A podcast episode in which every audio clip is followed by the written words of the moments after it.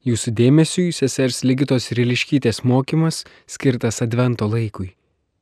Šių rekolekcijų tema kyla iš pranašo Izaijo knygos, iš 11 skyriaus pranašo Izaijo knygoje, kur girdime pranašą sakant, išiesęs kelmo arba išaijo kelmo mūsų lietuviškam vertime. Vardas Jėse sektų graikišką to vardo versiją, išaijas sektų hebrajišką tą vardo versiją ir skambesi. Tai išiesęs kelmų išauks atžala, iš jo šaknies pražys pumpuras. Mūsų vertimas remiasi Švento Jeronimo, išversto Švento rašto Izaijo knygos lotynų kalba eilute. Jėzus kyla iš tos giminės, iš kurios kyla ir karalius Dovydas. Šiandien, kai mes žvelgiame į šį slėpinį rekolekcijų, advento rekolekcijų kontekste, keletas dalykų yra, kuriuos norėčiau pasakyti kaip tokią įžangą į konferenciją. Izaijas yra tas pranašas, kurio tekstą mes ne vieną girdėsime per šias dienas. Pranašas, kurio raštai Advento, ypač pirmoji daly, mums giliausiai atveria mesijo laukimo viltį. Šiuose raštuose ir kitose Senojo testamento pranašų raštuose pirmieji krikščionis ir mes išvelgia ir išvelgiame Jėzaus ateimo įvaizdžius.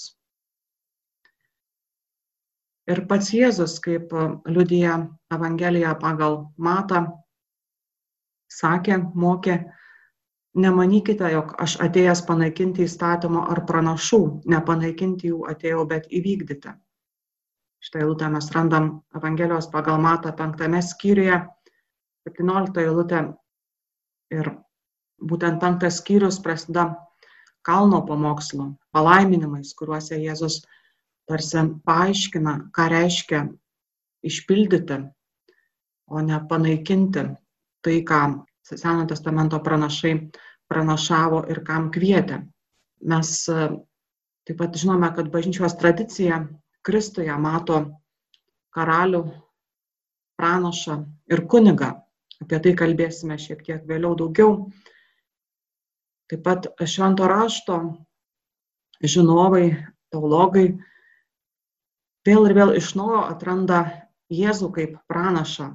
Pranašas skelbinti Dievo karalystės įsiveržimą į mūsų pasaulio istoriją, jo asmenyje, Jėzaus asmenyje.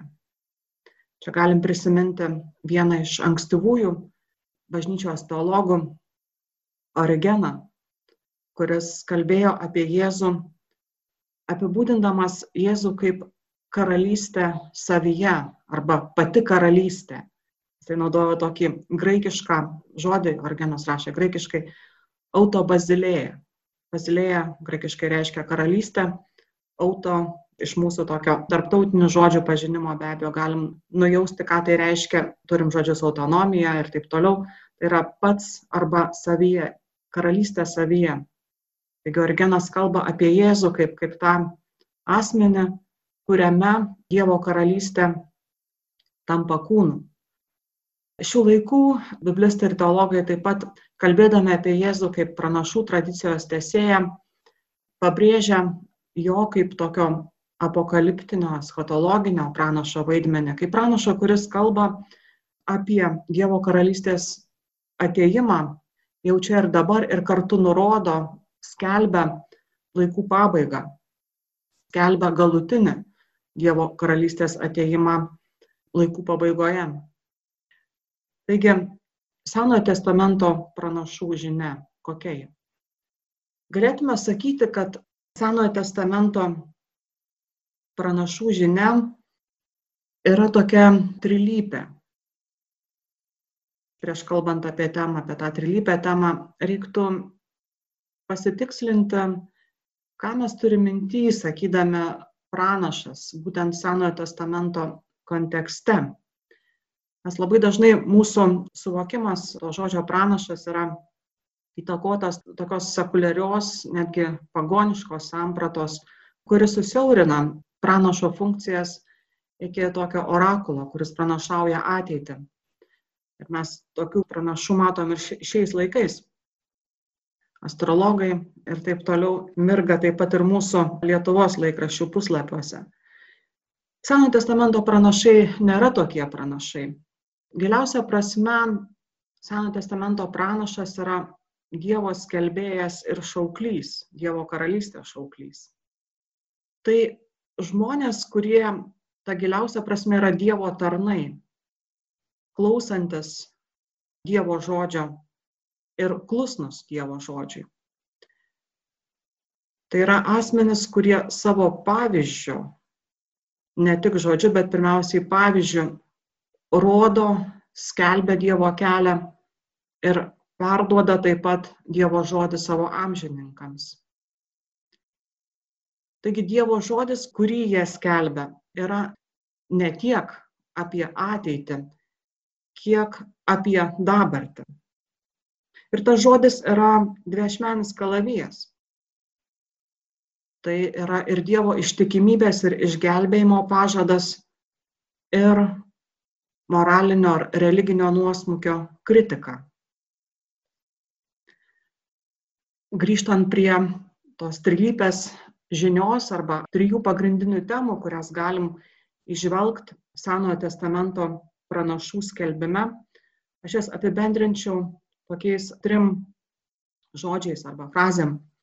Išlaisvinimas, ištikimybė, nuolatinis atsivertimas. Pranašų skelbimą, jų žinę mes apmastome ne tik per adventą, bet ir per gavėnę.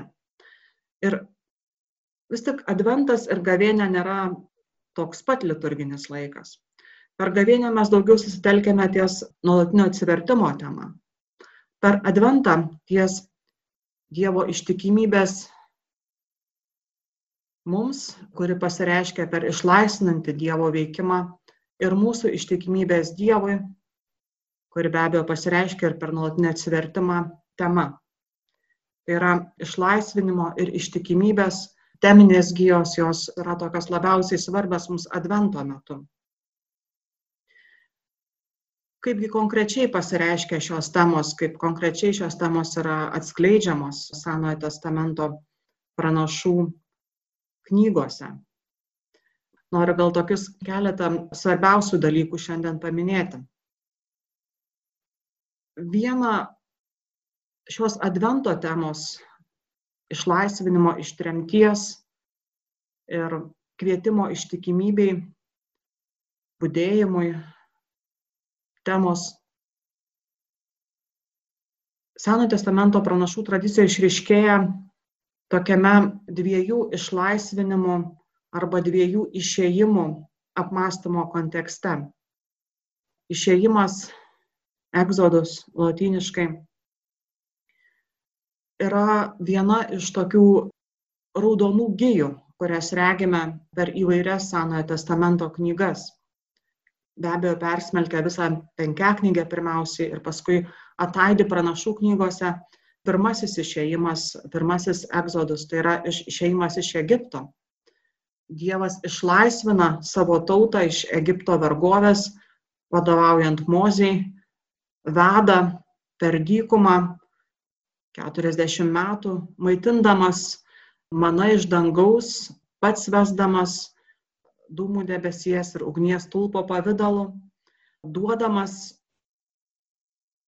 įstatymą ant Sinajaus kalno, kur Dievas sudaro sandorą su savo žmonėmis, malda, kuri, kuri yra žinoma mums kaip Veni Venija Monel himnas, paskutinis posmas būtent apie tą Sinajaus įvykį ir šita išėjimo išlaisvinimo iš Egipto tema atsikartoja tiek pranašų knygose, tiek ir atsikartoja ir iš naujo permostama jau kito išlaisvinimo, išlaisvinimo iš Babilono tremties patirties akivaizdoje. Jeigu išėjimo iš Egipto mes negalim labai tiksliai datuoti, tai žinom, kad išėjimas, grįžimas iš tremties Babilone į Jeruzalę įvyksta 539 metais prieš Kristų. Tai yra prieš pustrečio tūkstančio metų. Ir tas įvykis vis dar aidim per įvairiausias mūsų asmeninių tremčių patirtis. Ta išlaisvinimo tikrovė tampa mūsų savastame, mūsų istorijos dalimi jau kitose istoriniuose kontekstuose. Dar vienas įvykis, kuris pranašų knygose, taip pat istorinis įvykis Izraelio istorijoje, kuris yra svarbus ir dažnai atsispindi, yra užkariavimo patirtis 8 amžiuje, kai Asirijos karalius Argonas II pavergė šiaurinę karalystę, kurios sostinė buvo Samarija, Izraelio karalystę 722 metais. Taigi išlaisvinimo žinia, kurią skelbia pranašai, yra suvokiama šitų istorinių Izraelio tautos įvykio šviesoje, interpretuojant tos įvykius, suprantant juos kaip Dievo gelbstinti veikimą. Išvedimą iš Egipto, gražinimą iš tremties Babilone ir galiausiai pasipriešinimą ir laisvinimą iš įvairiausių kitų engėjų, tokių kaip Asirija, istorijos eigoje. Galėtume sakyti, kad šitokiu būdu pranašai mums sufleruoja tam tikrą būdą, kaip galim matyti ir žiūrėti į savo gyvenimo įvykius.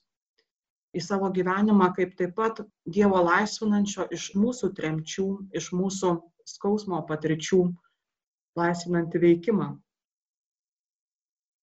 Norėčiau šiek tiek atidžiau pažvelgti į keletą pranašų, kurie ypač svarbus mūsų tradicijoje ir advento dvasingume. Jeremija, Ozėja, Amosa, Sofonija ir be abejo, kad Izaija. Labiausiai, kaip ir minėjau, mums svarbios tos ištikimybės ir išlaisvinimo temos, kurios persipina šitų pranašų raštuose. Ir šios temos, ypač ištikimybės tema, labai gražiai atsiskleidžia per šių pranašų apmąstymus to, ką Senasis testamentas ir šie autoriai vadina likučiu. Gal pirmiausiai trumpai priminsiu, ką skelbia Jeremijas, kaip Jeremijo pranašystė mums galėtų kalbėti šituo advento laiku. Jeremijas yra pranašas, kuris apmąsto Dievo tautos patirtį Babilono tremties akivaizdoje. Įdomu, kad jis yra vieno iš karaliaus Dovido kunigų Abietaro palikuonis. Artimas karaliui Dovydui, ta prasme, susijęs savo gyvenimo istoriją, kilmės istoriją, galėtume sakyti. Jeremijas, kaip ir visi pranašai, irgi kviečia atsivertimui, bet galėtume sakyti, kad jo skelbimo centre yra viltis, ne Dievo teismas. Ir viena iš, iš tokių temų, kuri nuaidė Jeremijo knygoje, o taip pat ir kitų pranašų knygose - Izaijo, Michėjo, Sofonijo, yra būtent ta Izraelio likučio tema. Hebrajiškai šer. Jeremijo knygoje likutis yra neturtingiai likę judėjoje, kitus ištrėmus į Babiloną.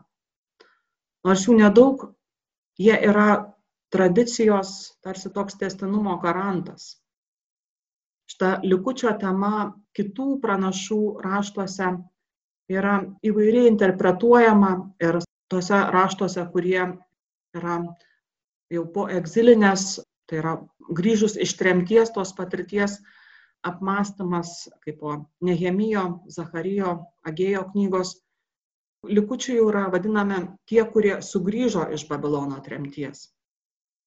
Izaijo knygoje, ypatingai skyriuose, kurie priskiriame autoriui gyvenusiame 8 amžiuje, tai yra iki, iki 40, 1-39 skyriai. Likutis yra tie, kurie išgyveno Asirijaus karaliaus užpolimo metu. Paulius laiškė romiečiams vėliau vėl savotiškai išvystys tą likučio temą. Tačiau kas mums svarbu? Svarbu šio advento metu yra turbūt keletas dalykų. Pirma, kad likutis yra visose pranašų raštuose kažkuria prasme tie ištikimieji. Ištikimieji, kurie yra vilties, testinumo, Dievo pažado prieimimo garantas. Tam tikra prasme tas likutis, galima jį įsivaizduoti beveik kaip tokia atžala, kuri išlieka, net ir jeigu pagrindinis medis yra nukertamas.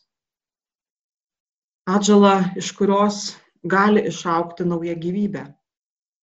Ir galbūt mūsų vis labiau sekuliarėjančioje visuomeniai mes galim matyti paguodą tame fakte, kad, kaip matė pranašai, kad visada lieka saujelė tų ištikimųjų. Saujelė, kuri galbūt dabar sekularizmo paliestam pasaulyje yra pati bažnyčia, kuri nėra gausi, krikščionių bažnyčia. Vis dar gausi, bet pamažu tos gratos kartais mums tai kelia nusiminimą, atrodo vis retėjančios. Senojo testamento pranašų tradicijos šviesoje mes galim žvelgti į tai ne kaip į kažkokį tai pagrindą nusivilti, nuleisti rankas, bet kaip į ženklą, kad likutis visada išlieka. Ir kad iš tos naujos atžalos visada gali vėl subujoti gyvybę. Sofonijas, kitas pranašas, kurio ištraukų mes girdėsime Advento metu, ateinančiom dienom, rašo 7 amžiuje, irgi kalbėdamas apie Dievo pažado išsipildymą, kuris būtent remiasi likučio ištikimybę. Sofonijas yra tas, kuris taip pat į mūsų tradiciją atneša tą Dievo dienos temą. Dievo dienos, kuri yra Dievo teismo diena, iš to kyla viduramžio giesmė, kurią mes pažįstam turbūt iš gedulinio apieigų, Dijas įrė, tai yra už šią dieną amžiai lemia. Tačiau Sofonijo vizijoje yra ir ta kita pusė, ta vilties pusė.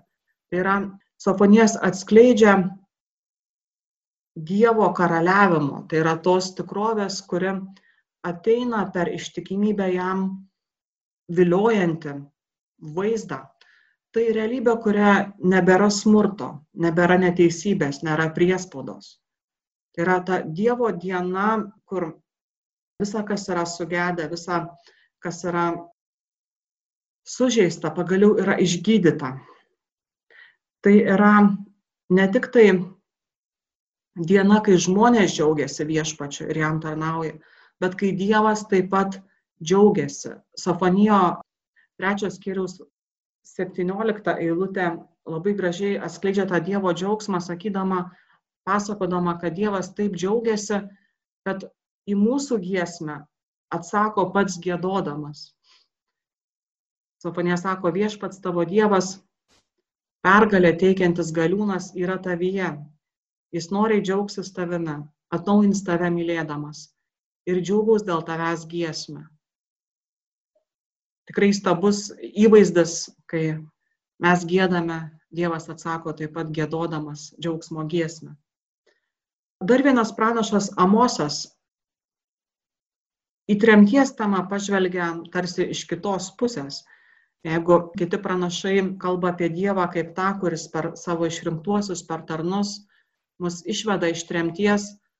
Amosas yra rustus pranašas, gal labiau tinkamas gavėniai. Pranašas, kuris skelbia, jog tie, kurie neatsilieps į tą kvietimą gėdoti Dievo arba gyventi pagal Dievo karalystės dėsnius, kad Dievas juos išves į tremtį. Amosas kalba kritikuodamas socialinę teisingumą ir religinę puikybę bei veidmainystę ir jis negaili griežtų žodžių, labai vaizdingai perteikia savo kritiką. Už kągi jis kritikuoja Dievo tautą? Pirmiausiai, už nemailę tiems, kurie yra reikalingi mūsų meilės. Pirmiausiai, vargšams. Amosas sako, kad Dievas teis Izraelį nes jie tai yra Dievo tautos žmonės, parduoda teisui už sidabrą, o beturti už sandalų porą. Žemės dulkėse jie mindžia vargšų galvas ir verčia kukliuosius trauktis iš kelio. Jisai Samarijos moteris išvadina Bašano karvėmis, dėl to, kad jos engia vargšus ir spardo elgetas. Taip pat Amosas sako, kad Dievui nemiela nei maldos, nei atnašos, nei deginamosios ar grūdų aukos, nemielos netgi giesmės, yra religinės apėgos, jeigu Izraelio tautos širdis yra kieta tiems, kurie yra reikalingi pagalbos ir meilės. Ir Amosas sako, te Vilnyje teisingumas lyg upės srovė, o teisumas tarsi tekanti upė. Ozėjas dar vienas iš pranašų, kalbantis mums iš 8 amžiaus prieš Kristų, ištikimybės Dievui tema, ištikimybės, kuri, jeigu ji nepasireiškia meilę artimui, nėra Dievui priimtina, kokie religingi bebūtume įvairiausiamis pamaldumo formomis. Ozėjas kalba apie tą ištikimybę per tokią santokos metaforą. Visos Ozėjo knygos pagrindinė mintis turbūt galėtų būti išreikšta per 13 skyriaus ketvirtą eilutę, kur Ozėjas sako, kad Dievas kreipiasi į mus, kalbėdamas į mus, Izraelio tautą ir į mus, aš jūsų Dievas, kuris išvedžiau iš Egipto, nėra kito Dievo. Per tą santokos įvaizdą Ozėjas kalba apie tai, kad tuos, kurie Dievui yra ištikimi, Dievas galiausiai atveda į tą vilties vietą. Konkrečiai antrame skyriuje, štai kaip pranašas kreipiasi, perteikdamas Dievo žodžius jo tautai, kuri čia suprantama kaip išrinktoji, kaip sužadėtinė, kaip žmona, Todėl dabar aš viliosiu ją, išvesiu ją į dykumą ir prašnekinsiu jos širdį. Ten jai atiduosiu jos vinogynus, o Achoros slėnį padarysiu vilties durimis. Ten ji man atsilieps kaip jaunystės dienomis, kaip tą dieną, kada išėjo iš Egipto žemės. Ta diena, tai viešpatie žodis, ji vadins mane mano vyras, ji niekuomet nebevadins manęs mano balas. Nuo jos lūpų pašalinsiu balų vardus, jų vardais nebebus daugiau šaukiamasi. Na ir balas, kaip turbūt atsimenam, yra, buvo kananiečių žemės derlingumo ir lietaus, jeigu aš neklystu Dievas. Taigi ta ištikimybės tema per likučio, per tremties motyvus nuskamba eilėje Seno testamento pranašų raštų. Ir ištikimybės tema labai glaudžiai, kaip sakiau, persipina su išlaisvinimo tema. Izaijas turbūt yra pagrindinis mūsų šaltinis klausantis tos išlaisvinimo temos ir pagrindinis šaltinis, kuriame atrandame įvaizdžius, kuriuos krikščionis vėliau suprato, aiškino, perdavė kaip Jėzaus mesijo, kuris galutinai pakeičia mūsų pasaulio tikrovę pakreipdamas pasaulio likimą link eschatologinės laikų pabaigos, Dievo svajonės išsipildymo. Ir pranašo Izaijo knyga apmasto net keletą tų istorinių laikotarpių, apie kuriuos kalbėjau pradžioje. Tie, kurie esate kažkiek šventą raštą studijavę giliau, turbūt atsimenat, kad Izaijo knyga nėra vienalytė, apie ją galim galvoti kaip apie pranašo Izaijo, istorinio pranašo tradicija toliau tęsusių galbūt keletos netgi žmonių Izraelio patirties apmąstymą. Švento rašto tyrinėtojai sako, kad galbūt galim kalbėti apie tris autorius, netgi pirmą Izaiją, antrą Izaiją, trečią Izaiją, kurie apmąsto skirtingus laikotarpius. Ir tas apmąstymas tęsiasi nuo pat Asirijos, šiaurinės karalystės užgrobimo iki išvadavimo iš Babilono tremties, tai yra apima 8, 7, 6 amžius prieš Kristų. Ir kas turbūt mums svarbiausia, vėlgi šioje advento kelionėje, keletas dalykų.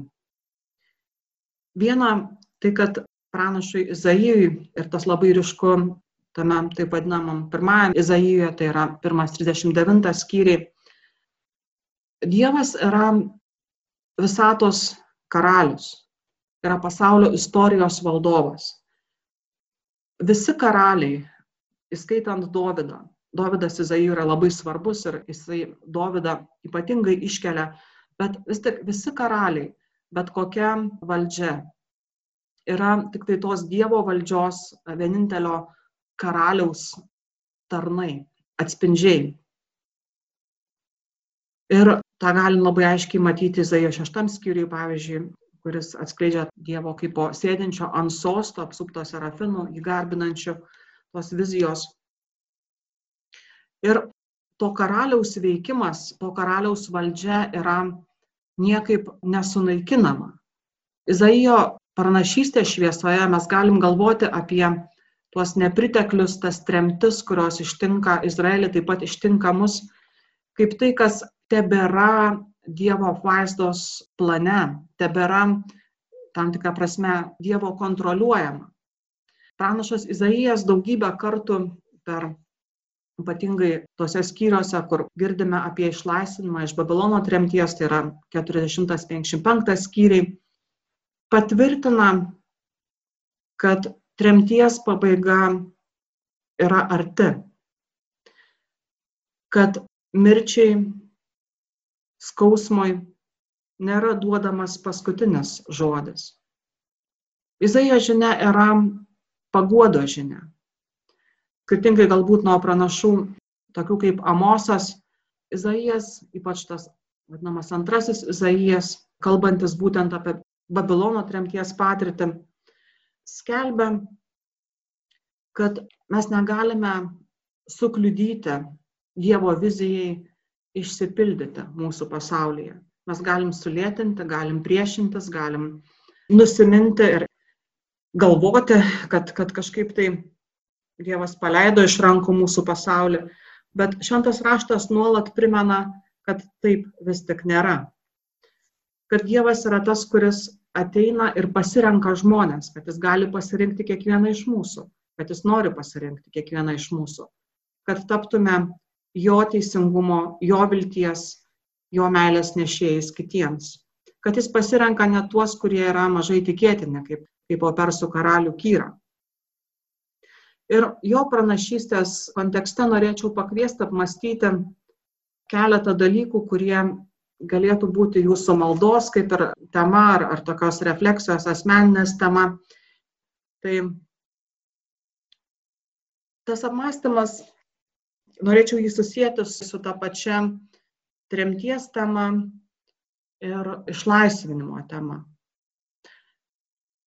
Sakiau, kad pranašas Izaijas mato Dievą kaip tą karalių, kuris valdo istoriją.